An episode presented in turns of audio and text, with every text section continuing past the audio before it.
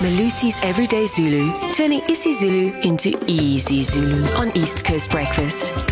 And with that, we say Sawubona Melusi Ntotomfowethu. Mfowethu. Mshengo, Hey sanibonani ninjani? Shabalala, Hayi uDonga imloyo. Iwa. It's, it is with bated breath we await the word of the day, please, Melusi. Aha, it's a very simple one though. It's vuma. Vuma. Vuma, vuma, Vuma. vuma, vuma, vuma, moya wa. That's my sentence. That.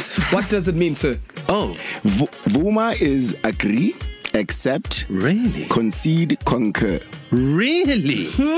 Yes. And uh, can you So- just say, so- say it so- on its own, or do you have to put it in a sentence for context? No, so if if if um I ask you to do something mm-hmm. and maybe you hesitate, I say vuma. You know, I say agree, do it. Agree- Oh, Yeah.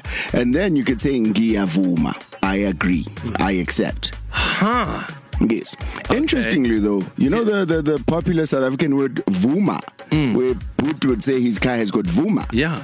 It comes from vuma, so it agrees whenever he steps on the accelerator. Oh, let me tell you I something. accept that pedal. Melusi, let me tell you something for it too. Darren Yeah. yeah. knows all about the accelerator Vumari. Oh my goodness! sakes. Does his car have vuma? Yeah, vuma. No, he knows. He was told by one camera on the road that his car is saying yes.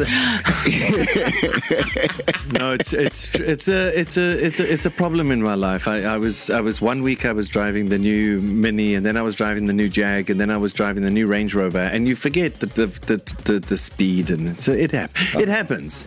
You know, it's uh, first world problems. For first world problems, big time. Giavuma, Ngiyavuma.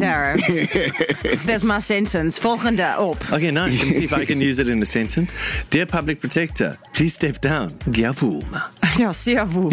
Yeah. you can- Siyavuma. Did I use it right? yes. I think we all nailed it. I think we did. Sky. Kids of KZN, if you can use Vuma oh in a sentence, send us a voice note 061 792 9494.